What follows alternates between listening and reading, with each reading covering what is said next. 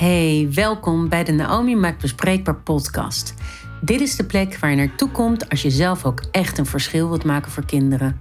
En om lastige onderwerpen op de rand van taboe bespreekbaar te leren maken.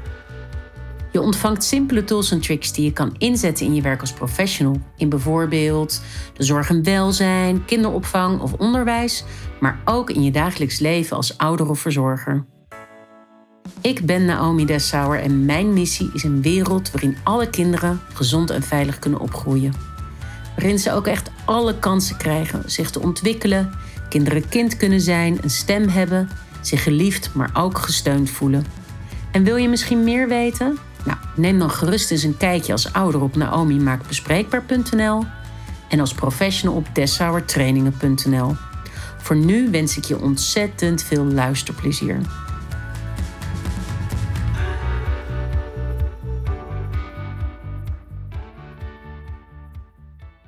Elke maand geef ik een aantal strategiegesprekken weg aan organisaties en meestal aan aandachtsfunctionarissen van organisaties om met hen te kijken naar hoe zet je de aanpak kindermishandeling en huiselijk geweld nou goed op de agenda?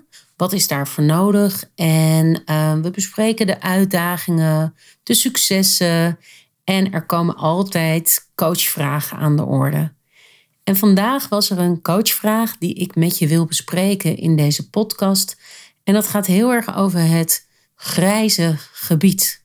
Het grijze gebied als er zorgen zijn over kindermishandeling. Um, het ging in dit geval over kindermishandeling. Het was iemand van een kinderopvangorganisatie in Nederland. En die vertelde het volgende. Die zei, ja, heel vaak als er situaties zijn um, in ons dagelijks werk waarbij er zorgen zijn over een kind, dan zijn er heel veel onderlinge discussies over door medewerkers. Mensen vinden daar allemaal wat van. En daarnaast speelt ook de dorpscultuur. Zij, zij zitten dan in een dorp. Speelt ook de dorpscultuur mee. En ja, lijkt het ook nog te maken te hebben met eigen achtergronden. En ja, wat moet ik daar nou mee? Hoe ga ik daar nou het beste mee om? Ja, ik hoorde dit zo aan en ben er natuurlijk uitgebreid met haar over in gesprek gegaan. En ik vond het zo'n mooie vraag, omdat het een hele herkenbare vraag is. Bijna elke organisatie die ik in de afgelopen jaren heb getraind in de aanpak kindermishandeling en huiselijk geweld en heb geleerd om in gesprek te gaan over zorgen en zorgen transparant en helder bespreekbaar te maken. En ik leid ook heel veel aandachtsfunctionarissen huiselijk geweld en kindermishandeling op en daar komt het ook altijd aan de orde. Dan hebben we het altijd over het grijze gebied. En één zo'n voorbeeld, of één voorbeeld, één vorm van kindermishandeling waarbij mensen heel vaak een ontzettend grijs gebied ervaren, is bijvoorbeeld verwaarlozing. En dan is een opmerking die ik vaak hoor: ja, maar wie zijn wij nou om te vinden dat die ouders dit niet mogen of dat dat niet oké is of wat dan ook? Ja, wie ben jij hè? Wie ben jij? Nou, ik vind het belangrijk. Ik wil je er meerdere dingen in meegeven. Ik ga je er een aantal hele concrete tips in meegeven. Het eerste is wie ben jij? Nou, jij bent een normatieve professional. Jij bent een professional. Je hebt hiervoor geleerd. Jij weet veel over kinderen of volwassenen. Dit geldt ook natuurlijk als het gaat om volwassenen en er zijn zorgen. En jij mag ergens een norm neerleggen. En we hebben ook als land met elkaar bepaalde normen afgesproken. We hebben ook als, als land normen en we hebben ook als organisatie normen. En we hebben ook normen als het gaat om hoe wij vinden dat kinderen gezond en veilig kunnen opgroeien. En die normen kun je meenemen. Want het gaat er, ja, jij mag er iets van vinden vanuit jouw professionele kijken en professionele blik. En die is belangrijker dan jouw persoonlijke blik of kijk. Maar hij is niet onbelangrijk, want ja, jouw persoonlijke bril die beïnvloedt natuurlijk ook hoe jij als professional handelt. Normen en waarden zijn erin absoluut wel van, van belang. En een aantal dingen is dus dat ik meegeef, wees een normatieve professional. Jij mag gewoon zeggen van, wij hebben met elkaar afgesproken dat in Nederland kinderen niet geslagen worden.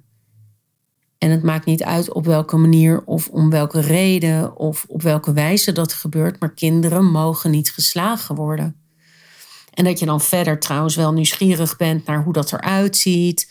Wat maakt dat ze het doen? Hoe vaak het voorkomt? Hoe, het, hè, hoe dat precies gaat? Ja, daar mag je heel erg nieuwsgierig zijn, uber nieuwsgierig naar zijn. Maar dat kun je wel zo stellen. Wel met respect, maar je mag het van mij wel stellen. Een andere die ik je wil meegeven is als het gaat om culturele achtergrond. heel vaak hoor ik dingen als: ja, maar zo doen zij dat nou eenmaal. Ja, maar zo hoort dat gewoon binnen die cultuur. Of zo hoort dat. Ja, dat past gewoon heel erg bij dat gezin. Ja, omdat iets bij een bepaald gezin past of bij een culturele achtergrond of een religieuze achtergrond past, betekent het niet dat het daarmee oké is. Het betekent niet omdat je slaat vanuit het gevoel van God, hè, vanuit Gods naam zal ik maar zeggen. Dat betekent niet dat het daarmee oké is en dat een kind er dan geen last van heeft. Het betekent niet om, als een kind gewend is om tot 10 uur, 11 uur in de zomer op straat te zijn, dat het daarmee oké is. Het betekent niet omdat een kind gewend is te tolken voor zijn of haar ouders, dat het daarmee oké is. Of zorg te hebben voor jongere broertjes of zusjes altijd op te passen, bijvoorbeeld. We leven in een land waarbij kinderen alle kansen en mogelijkheden kunnen krijgen om gezond en veilig groot te groeien en om kind te zijn. Ook dat is heel erg belangrijk. En de vraag is dan dus eigenlijk elke keer als je zo'n soort situatie, bijvoorbeeld als aandachtsfunctionaris of als collega hoort, om de vragen te stellen van wat is het belang van het kind in deze? En is het goed genoeg? Is het goed genoeg ouderschap? Is het goed genoeg voor een kind om gezond en veilig groot te groeien en kind te mogen zijn? Natuurlijk hoeft het niet fantastisch te zijn, maar goed genoeg is wel een belangrijke. En ja, als je daar twijfels over hebt van wat is goed genoeg, ja, zorg dan dat er collegiale consultatie is. Hè, stap 2 van de meldcode. En daarin kun je bijvoorbeeld ook contact hebben met Veilig Thuis en met Veilig Thuis overleggen hoe zij er naar kijken. Mogelijk dat zij gaan kijken als het gaat bijvoorbeeld om een taak die bij een kind ligt op een bepaalde leeftijd, dat zij gaan kijken van past die taak die, die, die dat kind krijgt, past dat bij de leeftijd van het kind en de ontwikkeling van het kind? dat zijn hele concrete dingen die je met elkaar kunt bespreken en die je met elkaar kunt bekijken. En de vraag die je je af kunt vragen is ook van, ja, als het niet goed genoeg is en het gaat door op deze wijze, wordt dat kind dan bedreigd in zijn of haar ontwikkeling? Of kan het leiden naar een bedreiging in de ontwikkeling? dus ik wil je even, even over dat grijs gebied ik geef je er eigenlijk hele concrete ja, ideeën over mee van hoe kun je daar met elkaar over praten. En wat kan je helpen om er eigenlijk op uit te komen of het grijs blijft? Want ik geloof zelf dat heel veel grijs gebied casuïstieken of casussen, casussen, ja, hoe moet je dat zeggen? Dat die heel vaak redelijk helder zijn en niet echt grijs gebied. En tuurlijk, blijf er met ouders over in gesprek gaan. Blijf er met collega's in gesprek gaan. Blijf nieuwsgierig zijn van wat maakt collega dat jij er zo naar kijkt. En wat maakt dat ik er nou anders naar kijk. Goh, wat bijzonder. Dat kun je met elkaar opmerken. Daar kun je het over hebben. stel dat je heel vaak hoort overslaan dat mensen daar anders over denken. Of dat mensen in de organisatie zeggen: ja, ik ben vroeger ook geslagen. Of ik ben vroeger ook onder de koude douche gezet. Of ik werd vroeger ook wel eens apart gezet als ik heel veel knoeide aan, aan tafel.